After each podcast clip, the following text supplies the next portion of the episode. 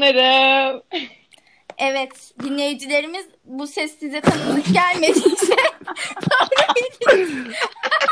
Hadi ne olur ne olur edelim. bütün ciddiyetimi bozdunuz şu an. Aa, Sanki çok ciddiyiz anasını satayım. Hadi devam et ya. olsun. Ay, Bugün bir fark ettiyseniz konuğumuz var. Kendisine de girişi yaptırdık. Ee, kendisini bir tanısın konuğumuz. Merhaba. Ee, buradaki arkadaşların ortaokul arkadaşıyım. Bu kadar. Evet, fazla bilgi Yeter. verip kendini deşifre etmek istemedi. Yeterli bu kadar. Kesinlikle kesinlikle. Helal olsun. Kesinlikle. Evet. Bu bölüme böyle bir güle oynaya girdik ama bu bölüm e, gene şaşırmayacaksınız ki gerileceğiz. Allah Allah. E, Can yakıcı bir bölüm olacak. evet. Evet. Şimdi gülelim eğlenelim acısı çıkacak yani az sonra. Ki ama bu bölümü gerçekten şu an hani açıp dinliyorsanız bizi ve şu an hani ciddi bir şekilde dinliyorsanız dikkatini ver, dikkatinizi verdiyseniz vermediyseniz de söylüyorum. Düzgün bir şekilde oturun bu bölümü dinleyin ya da dinlettirin de istiyorum. Çünkü gerçekten konuşulması gereken konular hakkında konuşacağız. Hayır. Tamam evet evet tamam. Ben de bir şey söyleyeceğim. Bence bu bölüm ee, gençlerin sesi gibi olacak biraz. Çünkü birçok kişinin ben bizim gibi düşündüğünü düşünüyorum bu konuda. Daha düşüncelerimizi konularda yani. söylemedik çevrem olsun. Ben böyle yemin ederim Olsun olsun. İşte girişten söylüyorum. İlgi Evet. çekmeye çalışıyoruz. Dur. aynen, Genel aynen. Olarak düşüncelerimiz birbirine yakın ama. Burada hemfikiriz. Hı hı. Yani. Bu konuda yani Evet. Tamam o zaman konuya girelim mi yavaş? Girelim. Ama artık ben çok konuştum. Başkaları konuşsun. Zaten konuşacağım bu bölüm çok. Sen konuya gir. Tamam. Sonrasında Konuya sal bize. Yeter artık. Ee, çok konuştum Gir. az konuştum yapmayacağım. Hepinizin hakkını yiyeceğim falan diyormuşum. Helal. Bugünkü konumuz en geniş tabiriyle adalet hakkında konuşacağız. Adalet nedir? Dünyadaki adalet, ülkemizdeki adalet var mı, yok mu? Bu konular hakkında konuşacağız. Şimdi kim girmek istiyorsa girebilir konuya. Konu öncelik. Cemre girsin. Hayır. Ben birilerinden sonra girmek istiyorum. Zaten heyecanlıyım.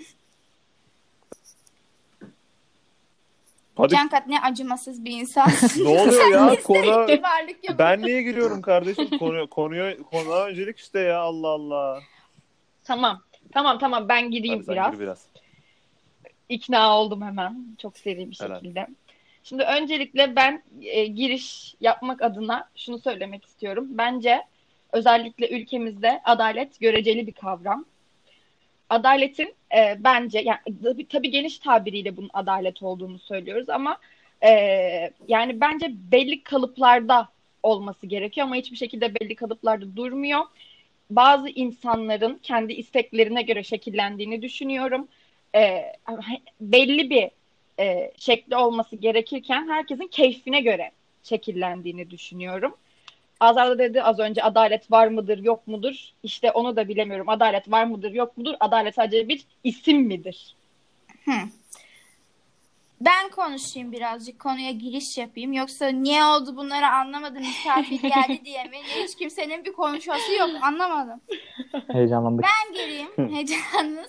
Gireyim adalet. Evet. Şimdi ben baktım. En basit bir konu hakkında yazacaksam, düşüneceksem giriyorum sözlük anlamına bakıyorum. Çok şey oldu ama adalet ilk anlamıyla hak ve hukuka uygunluk, hak ve hukuku gözetme ve yerine getirme doğruluk anlamına geliyormuş. Şimdi buna bir geniş olarak e, toplumun adaleti ya da ne bileyim devletin adaleti gözüyle bakabilirim veya kişilerin adaleti gözünde bakarım. Bu kişilerin adaleti dediğimiz şey günlük hayatta gördüğümüz adalet. Atıyorum sen bir karar veriyorsan, bir şeyi e, küçük çaplı bile olsa bir şey yönetiyorsan veya bir şeye karar veriyorsan e, kendi içinde senin e, sahip olduğun bir adalet mekanizması vardır. Buna göre davranırsın. Sana göre mantıklı ve adil olan bir şey mesela başkasına adil gelmeyebilir. Sen daha mantıksal direkt herkes eşite eşit olarak bakarsın. Öbürü e, der ki işte bu, bu istisnalar da var. istisnayı değerlendirmen lazım. Bu kişisel, bireysel insanların adalet görüşüne girer. E, toplumsal, devletsel adalet dediğimiz şey ise de, e, bu tanımda da olduğu gibi hak hukuka uygunluk yani yasalara uygunluk bunları gözetme ve yerine getirmedir. Böyle bir tanımla girdik adalete. Peki biz neden bugün bu podcast'imizde bu gencecik yaşımızda bunu konuşmak zorundayız. Bu adaleti. Evet kendimiz hakkında düşünüp bunun hakkında şey yapmamız güzel. Ama zorunda kalmakla kendin böyle istediğin için düşünmek farklı şeyler ve biz ülkemizde zorunda kalma kısmını yaşıyoruz bu adalet konusunda. Çünkü her gün gördüğümüz haberler bizi buna itiyor artık. Düşünmemek ayıp bence şu an adalet hakkında. Adil adil miyiz? Adalet var mı ülkemizde? Bunun hakkında düşünmemek tas tas tamam demeyeyim de yani bildiğin bence gözünü dünyaya kapatmak şu an. Dünyanın genelinde de adalet hakkında konuşabiliriz ama ben şimdi girişgah yaptım, girizgah yaptım konuya. Girişgah. Girişgah. Bir şey söylemek isteyen var mı? Birazcık sizin de fikirlerinizi Ben- alalım. Ben çok ek kısa bir şey söylemek istiyorum. Ee, biz Hı şu an bu konu hakkında konuşmak istedik. Çünkü e, olan olaylar doğrultusunda hani bir yıldır, iki yıldır değil çok uzun senelerdir olan olaylar doğrultusunda sürekli insanlar bir yerlerde seslerini duyurmaya çalışıyorlar. Artık yani dur demeye çalışıyorlar bir şeylere. Yani biz de umarım buna bir e, tuzu biberi olabiliriz yani umarım bu olayın. Çünkü sadece tuzu biberi olabiliriz olabilirsek başka hiçbir şey olamayız. Ama yine de e, bu konu hakkında neler yaparız, ne, ne yapılsa kar bence. Peki. Miray mesela sen adalet deyince senin aklına ne geliyor? Veya dünya dünya genelindeki adalet hakkında bahsedebilirsin. Her konuda hepimiz fikrimizi söylersek çok uzar çünkü bu bölüm. Dünyanın geneli hakkında adalet hakkında düşüncelerin var mı Miray? Ee, evet. Yani genel olarak hukuk ve yargı süreci dünyanın aslında birçok bölgesinde istenilen gibi işlemiyor. Bu e, yani kendi ülkemizden yola çıkarak konuşmak istiyorum. Burada hakimler veya işte sizi yargılayacak insanlar ne yazık ki belli bir tarafın baskısı altında olduğu için olaylar e, tarafsız bir şekilde değerlendirilmiyor. Doğal olarak da ortada adalet ya da bir adil olma durumu söz konusu olmuyor. Ee, şöyle bir şey haber okudum geçenlerde. 2021 yılında e, yanlış hatırlıyor da olabilirim ama 40-50 tane yeni hapishane yapılıyormuş Türkiye'ye. Yani e, içeride olan gazeteciler, yazarlar, düşünürler ama sokakta dolaşanlar, katiller, tecavüzcüler, hırsızlar. Bu ülkede hiçbir şey doğru düzgün işlemiyor, işlemediği gibi ne yazık ki yargı süreci de e, adalet kavramı da istenilen noktada değil. Bu da şuna sebep oluyor. İnsanlar bir suç işledikleri zaman biliyorlar ki ceza almayacaklar veya belli bir tarafa yakınlarsa bu olaydan kolayca paçalarını yırtacaklar ve geçip gidecekler. Olan bizlerin e, torpili olmayan vatandaşların e, can yani olan bize oluyor, olan kadınlara oluyor, olan çocuklara oluyor, olan masum insanlara oluyor. Ne yazık ki uzun bir süre daha bu süreç böyle gidecekmiş gibi geliyor. Yani gerçekten üzücü bir şey. Çünkü başınıza bir şey geldiği zaman karşıdaki insanın hiçbir ceza almayacağını bilerek yaşamak bence çok büyük bir stres kaynağı ve e, insan böyle bir şeyi bilerek yaşamamalı kendi ülkesinde. Söyleyeceklerim bu kadar şimdilik. Kesinlikle seni bir şeyin koruyacağına dair içinde hiçbir şey olmuyor. Şuna bir örnek vereyim. Ayşe Tuğba Aslan e, isimli bir kadın 23 kez eşini şikayet ediyor. Yani e, bildiriyor bunu dilekçe yazıyor, yolluyor. E, 23 kere yazıyor. Her seferinde de en sonuncusunda yazmış ki işte e, dilekçesine ben ölünce mi yardımcı olacaksınız? Ama hiçbir şekilde buna yardım edilmiyor ve boşandığı erkek tarafından öldürülüyor. Ve bundan da sonra bu hiçbir şekilde dilekçesine geri dönmeyen kamu görevlilerine ihmal yok kararı veriliyor. Bunun yanında başka bir haber daha söyleyeyim. Bu da daha da yakın zamanda Rukiye e, isimli bir kadın e, eşiyle çok iyi anlaşamıyor. Ya, e, yalnız bir, bir buçuk yaşındaki kızları olduğundan gene birlikte duruyorlar. Aynı ev içerisinde boşanmıyorlar. Kızlarının iyiliği için bir şekilde idare ediyorlar ama hep kavga ediyorlar. Bir gün çocuk çok rahatsız oluyor bütün gece çocukla uğraşıyor Rukiye. Sabah kalkıyor, kahvaltıyı hazırlıyor. Ali adlı, Ali Ay isimli kocasına diyor ki e, ben kahvaltıyı hazırladım bir kere hazırlayacağım yoruldum bir daha hazırlayamam yiyeceksen kalk diyor. Bunun, e, bunun sonrasında kocasıyla bir tartışma yaşıyorlar. Ali Ay isimli şerefsiz kalkıyor kettle'daki kaynamış suyu eline alıyor. Bütün hepsini karısının arkasından atıyor. Aslında yüzüne atmaya çalışıyor. Kadın sırtını dönüyor, sırtı yanıyor. Bundan sonra kettle'da kalan azıcık suyu da bir daha atıyor. Kadın bayılmışken ve çocuğunu da yakıyor. Bundan sonra da kadının elindeki telefonu alıyor kimseye haber veremesin diye. Kadın canavliyle komşusuna kaçtığı için kurtuluyor ve bu adam tutuksuz bırakılıyor, serbest bırakılıyor. Hatta karısına da diyor ki bu mahallede geçen gün birisi öldürüyordu adam hiç ceza almadan çıktı. Bak ben de seni öldürür 3 yıl yatar çıkarım diyor. İşte adaletin buradaki önemi, adaletin uygulanmasındaki önem bu. Bundan insanlar cesaret alıyor. Sen adaleti uygulamazsan insanlar cesaret alır bundan. Bunu birkaç daha haber işleyeceğiz böyle şeyleri. Ama ben Kayra ile Cankat da konuşsun istiyorum. Çünkü şey diye düşünüyor olabilirler. İşte hani kadınların da konuşmasını istiyoruz. Hani o, bize bu yüzden öncelik veriyor olabilirler belki kendi işlerinde. Ama ben Evet. onların da konuşmasını istiyorum. Bilmiyorum belki öyle bir şey düşünüyorsanız ya da düşünmüyorsanız. Ama sizin de konuşması, konuşmanızı istiyorum. Çünkü sizin de güzel fikirlerinizin olduğuna eminim bu konu hakkında. Konuşmanızı rica ediyorum. Zaten konuşursunuz.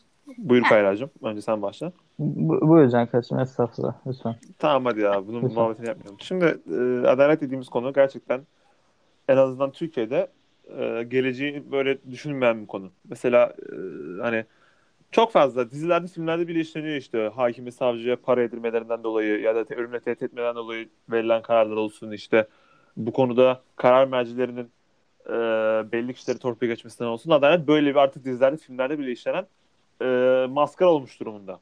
Yani bir eğer konuda bir heyecan yapmak istiyorlarsa, bir kötü bir şey yapmak istiyorsa adalet üzerine yürüyorlar. Bu e, kadınlarla alakalı konularda da yani şunu söylemek istiyorum. Abi ben sizden biraz daha farklı bir şey söyleyeceğim. Geçenlerde Ümitcan Uygun e, tüm sosyal medyanın gündemi olmuştu.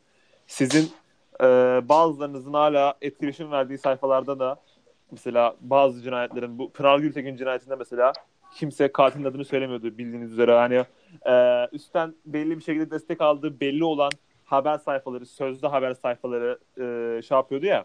İşte bir erkek tarafından şöyle şöyle katledildi. Evet. Bunun çok fazla muhabbetini yapıyorlar. Yani kadın olsa ismini cismini verirsiniz ama erkek olsa vermezsiniz tarzında.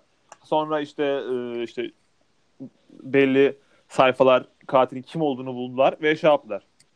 Katilin adı işte Cemal Metin Avcı, katilin adı Cemal Metin Avcı diye her yerde bunu propagandası yaptılar ve artık bu haber sayfaları da şeylerini geri çekmeye başladı. Çünkü e, bildiğiniz üzere halkın suyuna gitmezseniz halk sizi şey yapar. Artık alaşağı eder. Ya ben en çok mesela şeye üzüldüm.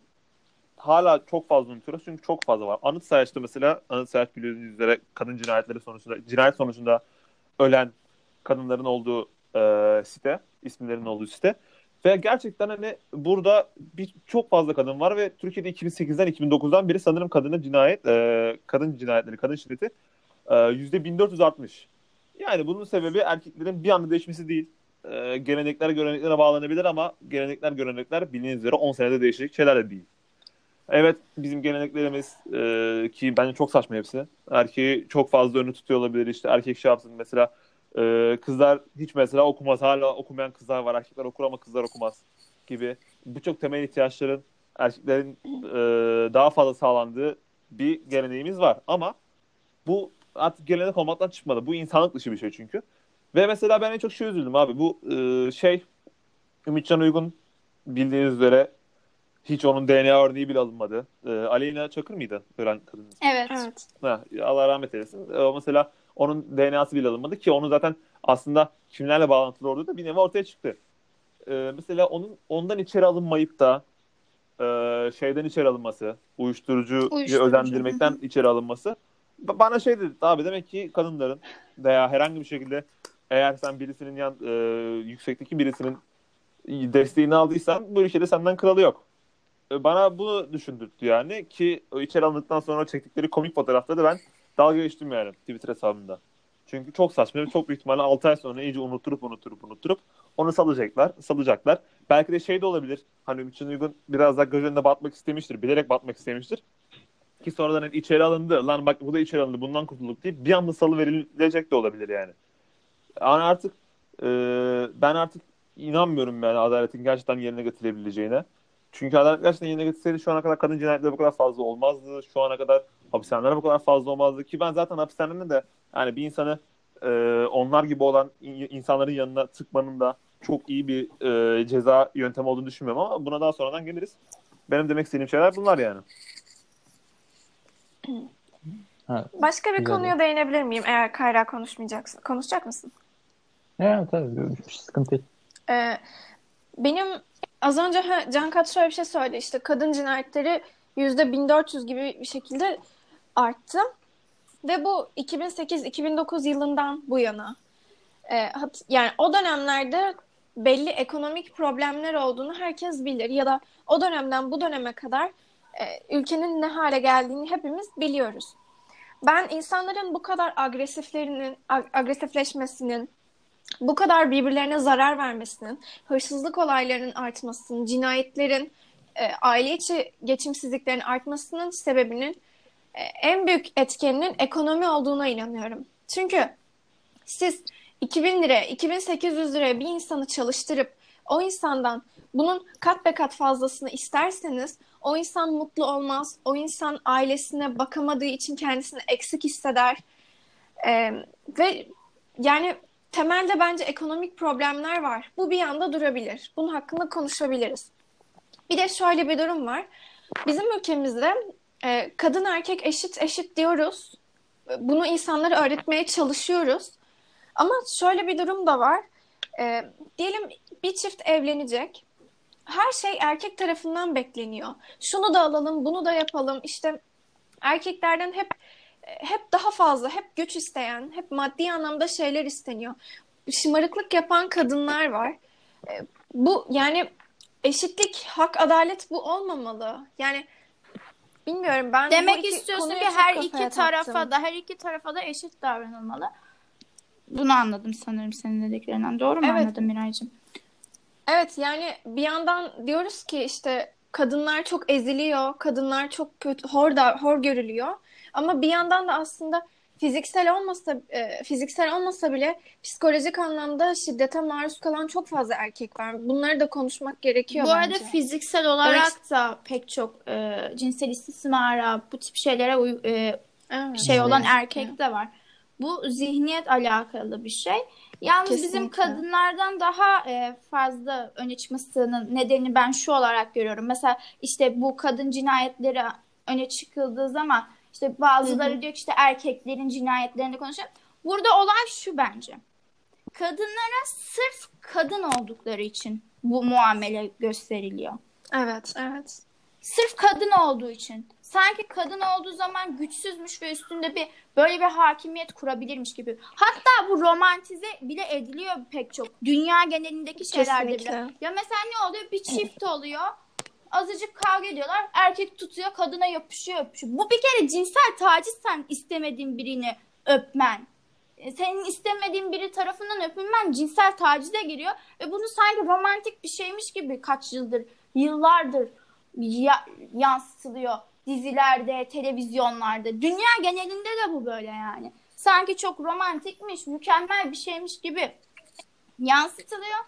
Ekonomik olarak evet ekonominin insanları germesi hakkında katılıyorum. Bu e, bakış açısından düşünmemiştim. Mantıklı geldi. Ama yani ben çoğunluk olarak eğitimin ve sosyo kültürel yapının desem doğru mu olur tam emin olamadım. Bu yapının sebep olduğunu düşünüyorum yani bu duruma. Yani birçok farklı şey- etken olduğunu aslında görüyoruz. Evet ben de bir şey Evet, eklemek, istiyorum bu konu hakkında. Bence de e, bunların sebeplerinden bir tanesi e, eğitim ve eğitimsizlik aslında daha doğrusu. Ve bu hani Miray'ın söylediği e, evleneceği zaman bir kadın ve bir erkek evleneceği zaman maddi yükün daha çok erkeğin sırtına yüklenmesinin sebebinin de ben de daha çok onun gelenek görenek törelerle alakalı olduğunu düşünüyorum. Geçmişte bu hep böyle yapılmış. Çünkü geçmişte e, kadın hiçbir zaman çalışmaz. Hep evinde oturur. Erkek çalışır. Hani bu şekilde geçmişte olmuş. Günümüzde de böyle olmaya devam edilmesi gerekiyormuş gibi e, lanse ediliyor. Bu da bence de yanlış. Bu kadın da çalışıyor artık, erkek de çalışıyor. Eğer bir erkek evleneceği kadının çalışmasını istemiyorsa e, ve şey diyorsa bu bizim şu an bu konuştuğumuz şeyi de söylüyorsa işte sadece maddi ben maddi ihtiyaçları sadece ben karşılıyorum gibi düşünüyorsa e, bu yanlış yani kadının çalışmasını sen karının çalışmasını istemiyorsan eğer ve böyle bir şey söyleyebiliyorsan bu çok büyük bir saçmalıktır. Bu şekilde. Yani benim temelde e, çekme, e, bahsetmek istediğim şey e, fiziksel değil de psikolojik şiddetin boyutlarını anlatmakta. Ama e, dediğim gibi bu bir gelenek görenek şeklinde ilerliyor. Bunu suistimal eden de var, bunu yaşatan da var. Herkesin kendi tercihi tabii ki ama eşitlik derken de bir tarafı e, sadece yüceltip ya da sırf bir tarafı yerin dibine sokmak kesinlikle yanlış bir şey. Evet. Herkesin böyle bir Bir şey tadı ne evet, yazık tadımız ki. kaçtı Böyle bir yani. yorulduk gerçekten. Ve Kayra şey de Kayra'dan önce ben bir şey daha söylemek bilmiyorum. istiyorum. Unuttum çünkü demin şimdi geldi aklıma. Sanırım Azra söylemişti. Ee, şey bu televizyonlarda işte kadın ve bir adam kavga ediyorlar. Ondan sonra adam tutuyor kadını öpüyor ve bunun romantik bir şey olduğu lanse ediliyor yine. Yani şöyle bence özellikle küçük çocuklar ki bu e, kadına şiddet bu şekilde konuların insanlara en güzel e, bu şekilde verilebileceği yaş şeyi küçük çocuklar. Küçük çocuklar bu şekilde şeyleri izleyip bunun normal olduğunu düşünebiliyorlar ve televizyonda bunları yayınlamaya devam ediyor insanlar. Ama televizyonda sigara yayınlamıyorlar çünkü insanların aklını caydırabileceğini düşünüyorlar. Ama kadına şiddet yayınlıyorlar çünkü bu hiçbir şekilde hiç kimseye kötü etki yaratmıyor. Kesinlikle çok normal bir şey. Her gün her zaman yapılması gereken bir şey. O yüzden bunları her zaman televizyonda yayınlamaya hala olan tüm olaylar doğrultusunda hiç durmadan, duraksamadan devam ediyorlar. Kayra seni Böyle. iki kelam edeceksin belki de 30 kere böldük Efendim? seni. Bir şey söylemek istiyor musun? Ya süre uzamasın ne isterseniz bir sonraki Yok konuda hayır şey konuş sonuçta yani. Fikrini söyle. Lan oğlum yine konuşacaksın hadi ya. Ya olmadı o zaman şey Miray'ın söylediklerine e, ekleme gibi yapayım. Hani eşitlikten de bahsetmiştim ve ben de ona değinecektim. Adalet ve eşitlik e, aynı şey değil. Bunu önce belirtmek istiyorum. Hani bunu çoğu kişi bilmiyor. Ve şununla söyleyeceğim. Yine linç yemeye açık bir yorum ama kadın ve erkek eşit değildir. Ne psikolojik olarak ne fiziksel olarak. Bunlar maalesef ki böyle. E, siz de biliyorsunuzdur umarım. Çünkü e, bizim kültürümüzde de birçok şeyin erkeğe yıkılmasının sebebi de o. Erkeklerin hani fiziksel olarak e, veya psikolojik olarak daha fazla şey kaldırabilecek olduğunu düşünmemizden kaynaklanıyor bunların hepsi. Mesela bunun sonucunda da adalet sisteminde şöyle bir şey yatıyor. Genelde nafaka hatta genelde değil, neredeyse her zaman erkeğe kitleniyor. Bunu biliyorsunuzdur büyük ihtimalle. Adamın zaten yıkılmış oluyor. Hani yıkılmış oluyor. Sonra bir de nafakaya kilitliyorsun. Adam zaten genelde maaş alamadığı için falan ayrılıyor. Hani düşük ücret aldığından. Bir de olmayan parasını da vermek durumunda kalıyor. Sonra çok kötü şeyler yaşanabiliyor tabii onun açısından ama e, burada şunu da belirtmek istiyorum. Tabii erkek kısmında da ad- adalette sorunlarımız var ama kadın kısmında daha fazla sorun varken erkeğe değinmenin şimdilik doğru olduğunu düşünmüyorum. Yani daha da fazla bir şey ekleyemeyeceğim zaten her şeyde değindiniz. Şöyle şekilde. kadın erkek eşit değildir e, dediğim vakit ben e, zaten şöyle kişilerin bu genel olarak insanla da alakası var. Hani cinsiyeti bir yana bırakıyorum. Ya mesela çok basit bir örnek. İşte ne oluyor? İkimiz de 100 metrelik şeyi koşacağız. Ama hiçbirimizin özellikleri eşit değil yani. Atıyorum sen benden büyüksündür ama bir sakatlığın vardır. Ben senden hızlı koşarım. Bu tip şeyler değişiyor tabii. Önemli olan Aynen. burada zaten her- herkesin de bahsettiği şey yani umuyorum herkesin bahsettiği şey budur. Kişilerin eşit haklara sahip olması gerektiği.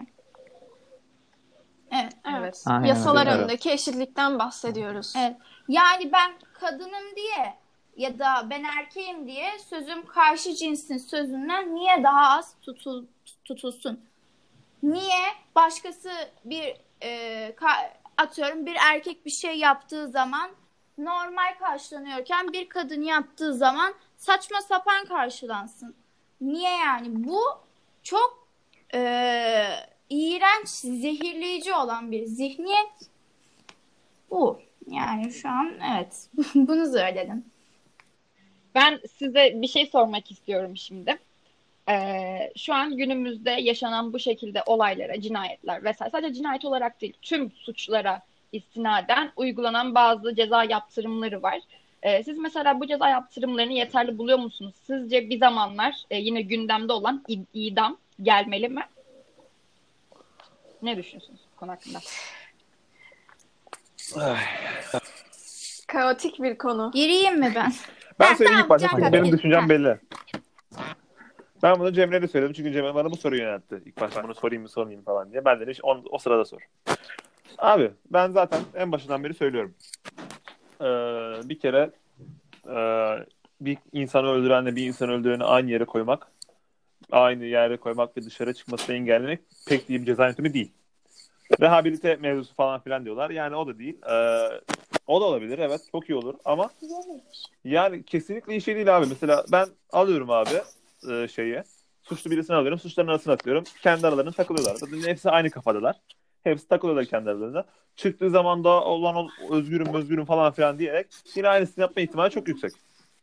İdam da şöyle yani zaten 34 dakika boyunca şey konuştuk. Adalet şöyle, adalet böyle, adalet iyi değil mi iyi değil. Yani adalet bu kadar kötüyken ve yanlış kararlar verirken neden idam getirilsin? Ve yani e, en azından yanlış cezalardan dönülebilirken yani pek de dönülmüyor aslında. Mesela 33 yıl yatan, yatan 33 yıl boyunca yanlışlıkla yanlış karardan dolayı hapishanede yatan adamın 33 yılı için 2 milyon dolar tarzı bir para vermişler. 2 milyon TL pardon TL. 2 milyon TL 33 yıl şaka mı yapıyorsunuz falan demiştim yani ilk gördüğümde. Bu hararetin üstüne. Evet. e, benim şunu söylemek istiyorum ben idam hakkında. Ben bunu işte baktım birazcık. Dedim hani idam olan ülkelerdeki suç oranı daha mı düşük? Bir değişme var mı? Hayır hiçbir değişim olmuyor. Tam tersine daha yüksek olduğu görülmüş idam olan şeylerde. Yani idam pek bir şey değiştirmiyor gibi görülüyor. Ki zaten yani Can Kadın da dediği gibi doğru düzgün adaletin olmadığı bir yerde sen idam getirsen yani Allah bilir kimi asarlar, keserler. Yani o yüzden bence gereksiz. Ama şeyi söyleyebilirim. Hadım madım diyorlar. Onun hakkında ne düşünüyorsunuz yani? O da yani bilmiyorum. Şey de sıkıntı ya. Unuttum ne sıkıntı oldu. Ne, her neyse devam edin lütfen. Kayra ve Miray Mesela da Kayra- bu konu hakkında. Kayra sen idam hakkında ne düşünüyorsun? Sence idam gelmeli mi? hakkında ya şöyle e, cezayı hafifletmek gibi geliyor bana idam. Sen ona ömür boyu hiçbir amacın olmadan düşünsene ağırlaştırmış müebbet diyor adam yani ömrünün sonuna kadar kesin yatacak yani bir daha çıkma ihtimali yok. E, orada boş şekilde yaşayacak çok sadece mantıklı. yiyecek e, uyuyacak hani hayatı böyle geçecekken düşün yani oturup ben niye böyle yaptım deyip hani çıkmak isteyecekken sen diyorsun ki 5 dakikada olsun bitsin bu adam ölsün gitsin. Adama bence bu hani eziyet değil bir ödül gibi bir şey olur gibi geliyor bana. Ee, sözü şey almadan önce size idam hakkında komik bir anımı anlatmak Nasıl istiyorum. Şimdi idam nasıl bir anıyla bağlı.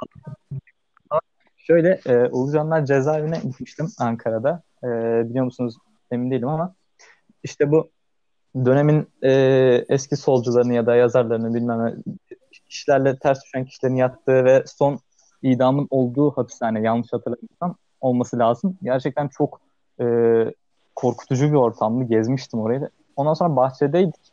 E, bir anda klasik e, Ankara ayazı rüzgar çıktı ve avludaki kapı kapandı. E, bütün ziyaretçiler Oha. avluda kaldı ve görevli kişi de diğer tarafta kaldı. Anahtarı yok. E, çok ilginç bir durumdu. Ondan sonra o sırada ben de idam sehpasının yanına gittim. Çok ilgimi çekti. Gerçekte gördünüz mü bilmiyorum ama çok büyük bir şey. Bayağı büyük bir şey. Hani 3 metre falan herhalde yaklaşık. Daha da büyük olabilir emin değilim.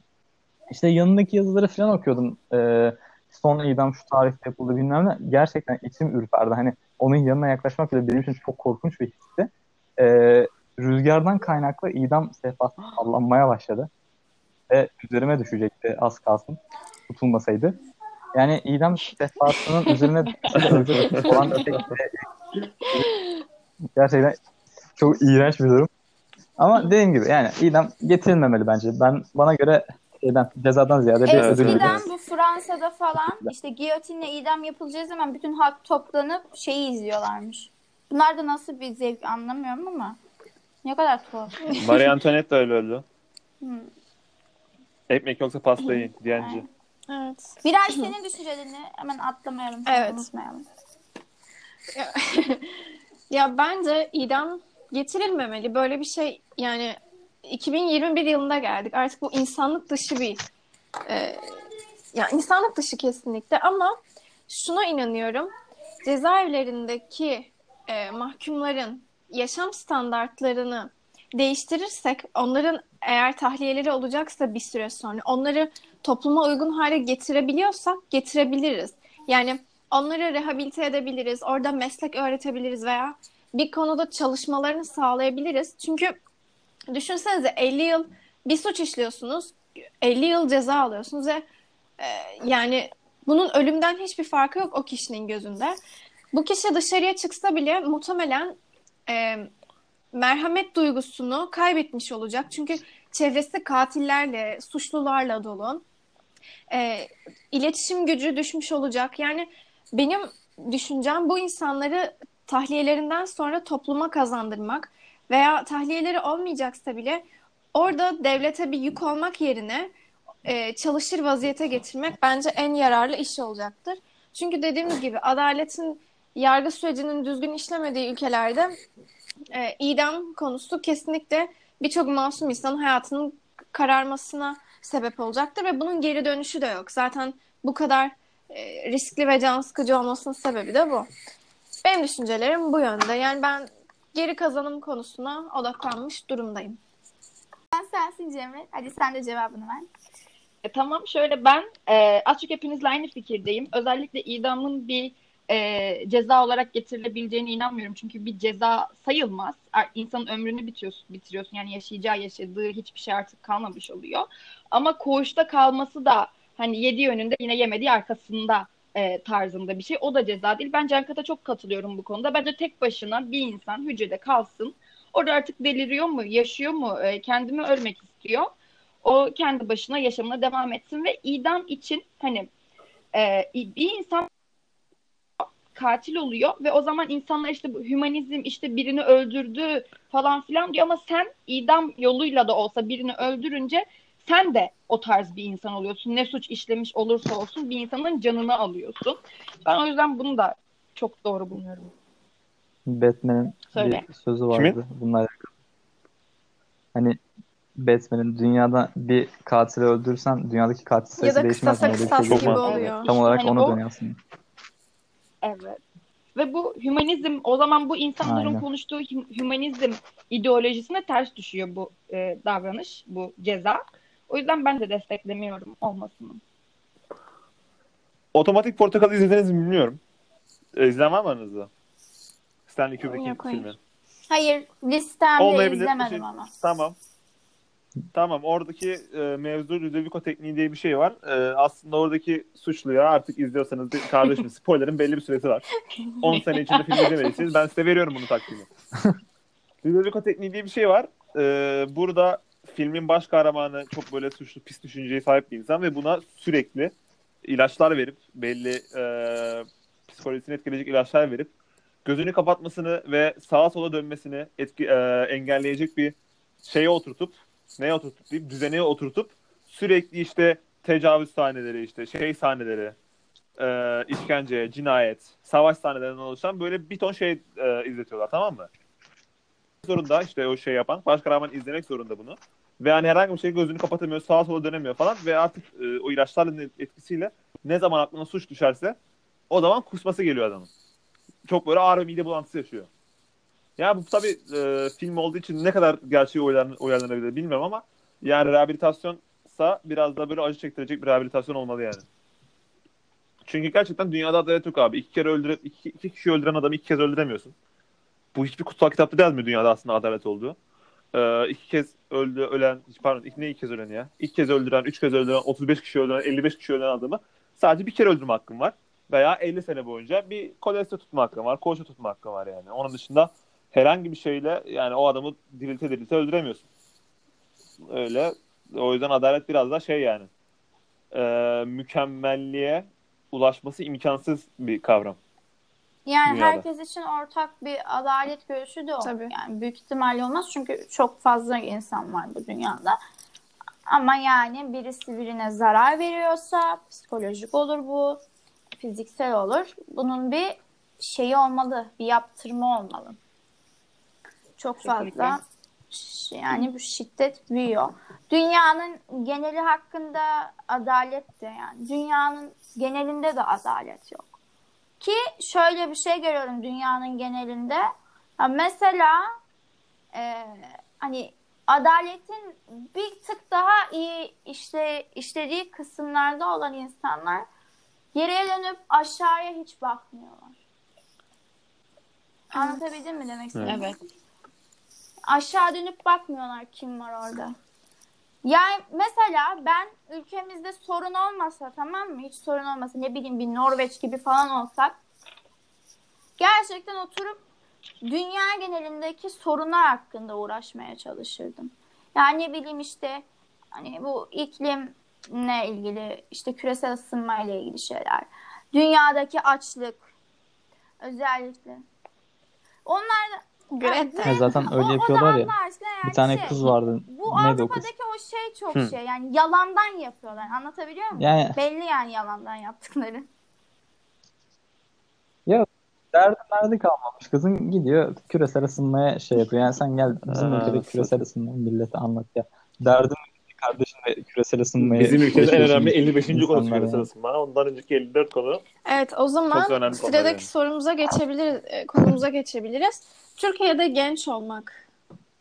Bu konu hakkında eminim herkesin e, Wow. saatlerce konuşabileceği argümanları vardır ama kısaca bahsedebiliriz burada. Evet.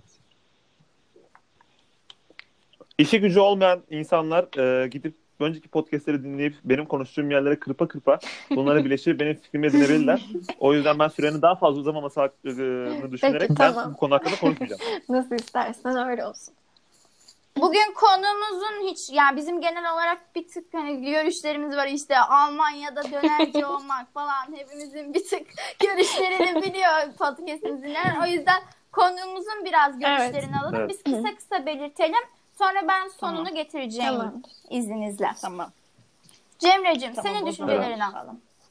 Ben şimdi e, Türkiye'de genç olmanın daha çok eğitim açısından e, oraya daha çok değinmek istiyorum. Şöyle e, büyüklerimiz e, özellikle benim e, akraba çevremde böyle hani zeki insanların, başarılı insanların, iyi bir üniversite, iyi bir iş sahibi olabilecek insanların yurt dışında okuyup orada kalmasına yani beyin gücü yapmasına çok karşılar. Ee, işte sonuç yani bir bakıma da aslında bence doğru. Çünkü bu ülkeden beyin göçü yaşandığı için belki de ülke daha fazla gelişemiyor, daha ileri gidemiyor. Ama beyin göçü yaşanması da bence bir bakıma haklı. Çünkü eğer bu ülkede daha iyi şeyler yapabilecek e, potansiyelde bir insana yeterli imkan sunulmazsa kalması için ve o kişinin yaptığı iş değer onun hani bu işin değerli bir şey olduğu o kişiye hissedilir yani ona o kişiye verilmezse yani onu, o yaptığı işin değerli olduğu o gitmek isteyecektir tabii ki. Yurt dışında e, birçok işte birçok meslekte birçok yetenekte insanlara daha çok değer ve saygı görüldüğünü ben düşünüyorum.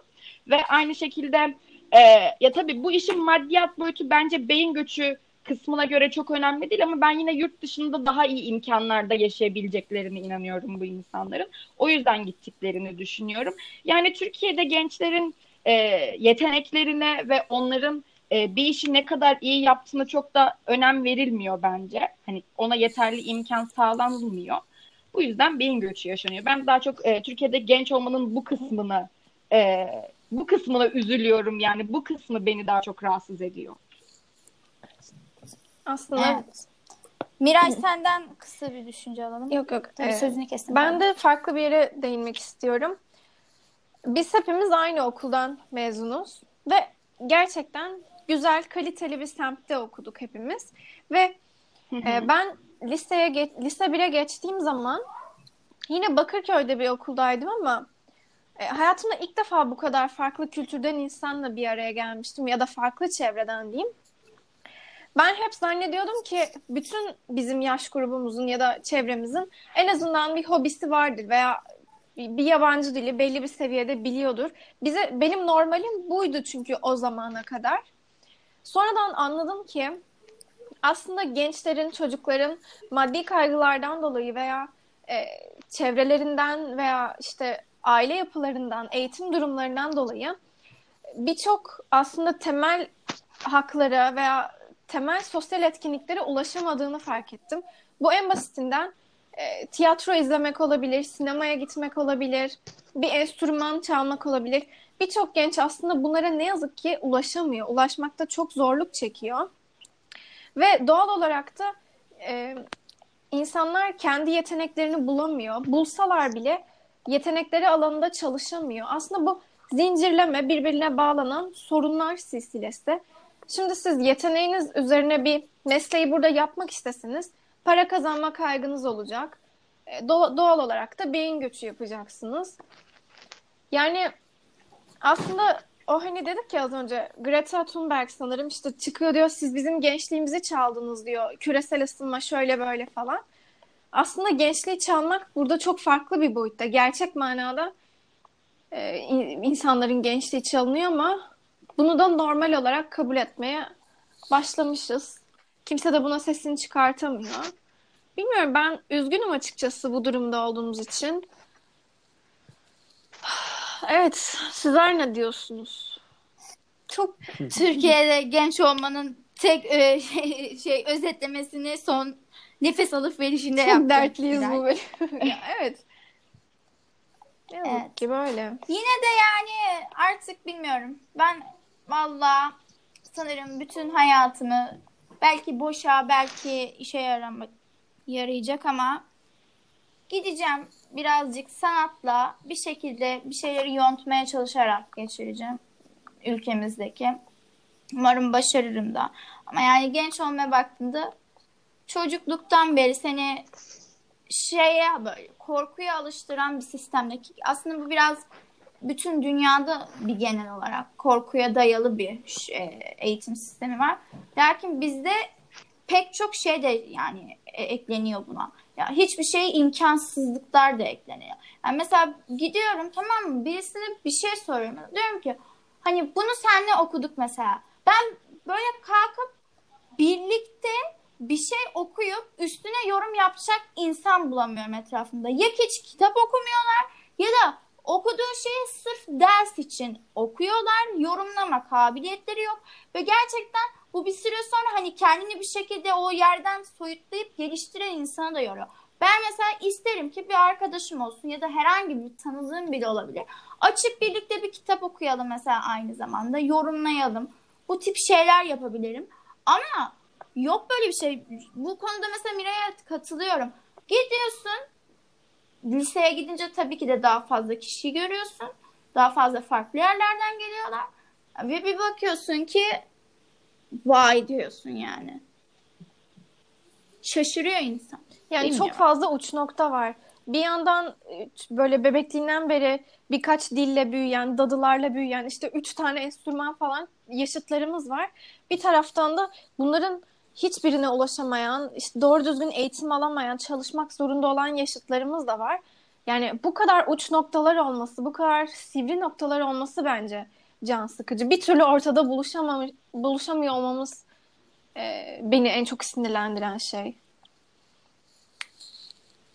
Evet. Evet, Toplumsal bence de olarak çöküyoruz. Maddi imkansızlıklardan dolayı aslında bir insanın bir şeylere yeteneği var. Yani bir sürü çocuğun aslında bir sürü şey yeteneği ol- olabilir ama bu maddi imkansızlıklardan dolayı bu yeteneklerinin hiçbirini keşfedememiş ve keşfedemeyecek bir sürü çocuk var ve belki keşfedilse ne kadar güzel şeyler Evet, olacak yani. Bunun yanı sıra bir şekilde durumunu karşılayabilecek olan ama hiçbir şey sevgisi olmayan insanlar da var ki bence bu da çok kötü bir şey. Sen gene bir şekilde hani bir e, şeye paranı ayırabilirsin hani bir şekilde ama hiçbir şeye ilgin yok. Sen niye yaşıyorsun onu bile bilmiyorsun. Neyi seviyorsun onu bile bilmiyorsun. Öyle yaşıyorsun gidiyorsun. Sonra da depresyona giriyorsun. E sen girme de kim girsin depresyona? Hani mesela Afrika'da böyle depresyon intihar eden insan az görülür. Neden? E çünkü onların zaten yaşama şeyi var yani yaşamaya çalışıyorlar. Bir şekilde hayatta kalmaya çalışıyorlar. Daha onu düşünecek şeyleri olmuyor. Ama bunu ilerledikten sonra sen yani bu sana hiçbir şeyin sevgisi aşılanmıyor okulda. Atıyorum mesela Türkçe dersinde Türkçe sana kalkıp e metin okudum, e metindeki soruları çözdüm. E işte ne yaptım? Dil bilgisi, o fiilimsi, cümlenin öğeleri öğret geç. Böyle bir şey olmaz. Türkçe dersinde senin en çok öğrenmen gereken şey kitap okumayı sevmek, okuduğun şeyi anlamaktır. Bunu öğretmiyorlar. Bir de sonra yalandan üniversite sınavında Aa, paragraf sorusu, paragraf sorusu. Kim anlıyor? Böyle bir şey mi bize aşılandı da biz çözelim paragrafı? Ben çok katılıyorum buna. En basitinden yani biz niye kitap sınavı alıyoruz? Ee, onu bile anlamış değilim yani. Heh. Buyur Cemre. Aslında her şey ne kadar Başka birbirine bağlı değil mi? Buradan eğitime girdik, adaletten girdik. Nereden nereye geldik? Yani bu çok fazla. Ekonomi, çok fazla hepsine giriyorsun var. yani. Aynen öyle. Hangi birine yetişip hangi birini konuşacağımızı, hangi birini çözmeye çalışacağımızı şaşırmış durumdayız gençler olarak. Ve üstümüzde de çok büyük bir baskı var. İş bulma kaygısı, işte ev kurma baskısı. Gerçekten zor. Özetle zor. Türkiye'de genç olmak bir de, zor. Aynen. Kayra senin de fikirlerini alalım sonra kapatıyorum. Yani bir şeyler söyleyip kapatıyorum. Ya şu kadar söyleyeceğim zaten. Hani Vay be. Bu sene 18 yaşına gireceğim. Ee, işte olacağım ama e, sorarsan bilmiyorum yani ne yaşadın desen o kadar da benim için çok şey bir yaşam değildi hani. Of dolu dolu yaşadım var ya hani boş anım yoktu falan diyebileceğim bir yaşam neydi? Sınav stresinden zaten liseye gelene kadar olan hayatım bitti. Ee, sınava gireceğim diye. Daha 7. sınıfta dershaneye giden bir çocuğum ki 7'de niye dershaneye gidersin? Onun dışında hani maddi imkanlarım vardı ama bunları değerlendirecek zamanım bile yoktu ki. Yani demek istediğim şu e, Türkiye'de Vallahi bence... için, bilmiyorum.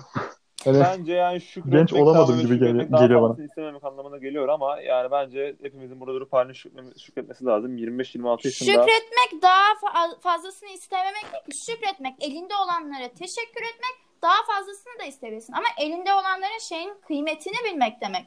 Evet şükredeceksin, elindekilerin kıymetini bileceksin ama daha fazlasını istemeyeceksin diye bir şey yok ki.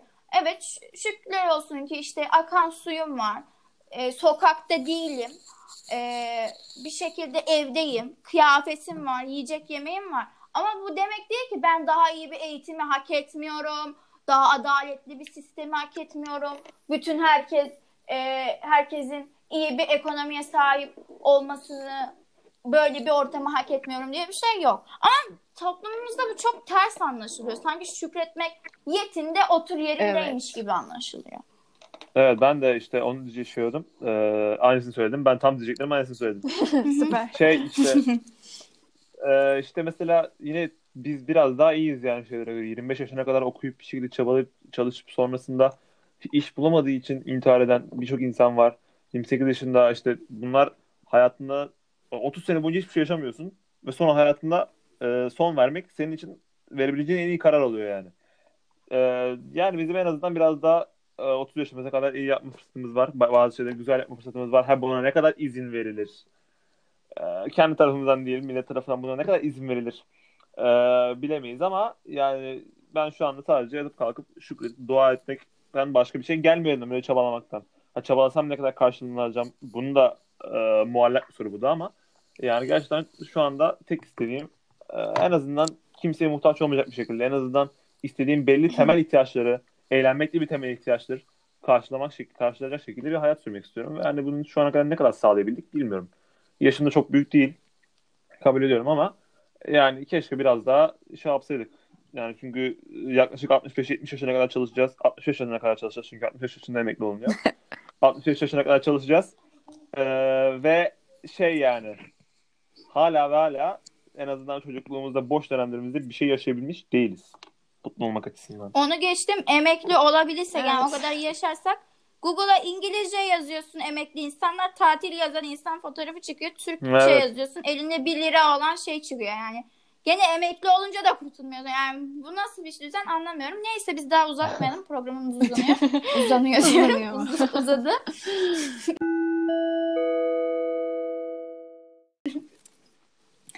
Evet bu bölümün sonunda birkaç ismi anmak istiyorum. Hepsini anamıyorum maalesef ama birkaç ismi anabileceğim.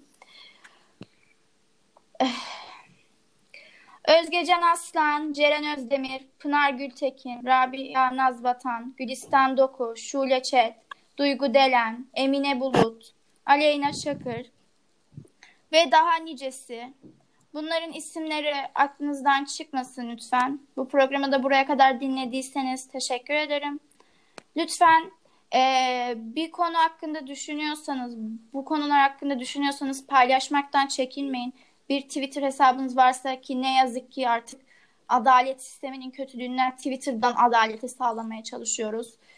Çünkü yani bugün, eee, geçen gün falçatayla alışveriş merkezinin ortasında Mesut Öztürkmen isimli bir şahıs e, boşandığı bir karısını Anna isimli bir kadını falçatayla yüzünü deliyor. E, serbest bırakılıp Twitter sayesinde içeri alınıyor. O yüzden eğer Twitter'ınız varsa veyahut yoksa da açın lütfen artık başka bir şey diyemiyorum. Bu kadar kötü sistem. Lütfen siz de bunların artık paylaşımını yapın. Bir şekilde elinizden geleni yapın. Öyle oturup vah vah üzüldüm, ay çok üzüldüm demekle hiçbiriniz üzülmüyorsunuz. Hayatınıza devam ediyorsunuz. Bu sizi de bu cinayetlere ortak yapıyor. Sizin de sustuğunuz için kötülük yapandan en ufak bir farkınız bile kalmıyor. Bu kadar. Ben de bir şey ekleyebilir miyim son? Programımızı ekle tabii ki de. Sonra Ben bir bitirelim. şey söylemek istiyorum. Eğer bir yerde bir şekilde bir şeyler yapabilecek bir durumunuz varsa hani sadece sosyal medya olarak sosyal medyada artık herkes zaten bir şekilde fikirlerini belirtebiliyor orada. Ama sizin daha yüksek bir yerlerde çevrenizden veya direkt siz bir şey yapabiliyorsanız lütfen yapın. Çünkü birileri ufak da olsa bir şey yapmadığı sürece bunlar her zaman devam edecek. Ardı arkası kesilmeyecek. Belki bir gün sıra büyüdüğünüzde size gelecek veya sizin ailenizden veya çok yakınınızda gelecek. Hani artık durması lazım, bitmesi lazım bunun. Evet. Evet. Bugünkü programımızı dinlediğiniz için teşekkürler ve konuğumuz çok olduğu için teşekkür Cemre'ye de ederiz. teşekkür ederiz. Evet çok keyifli bir, keyifli bir bölüm diyemeyeceğim maalesef ama güzel şeylerin farkında olduğumuz Alışkanlık. bir farkındalık oluşturmaya çalıştığımız bir bölüm oldu. Benim içime sindi Keyifli. en azından. Evet. iyi günler. Hoşçakalın.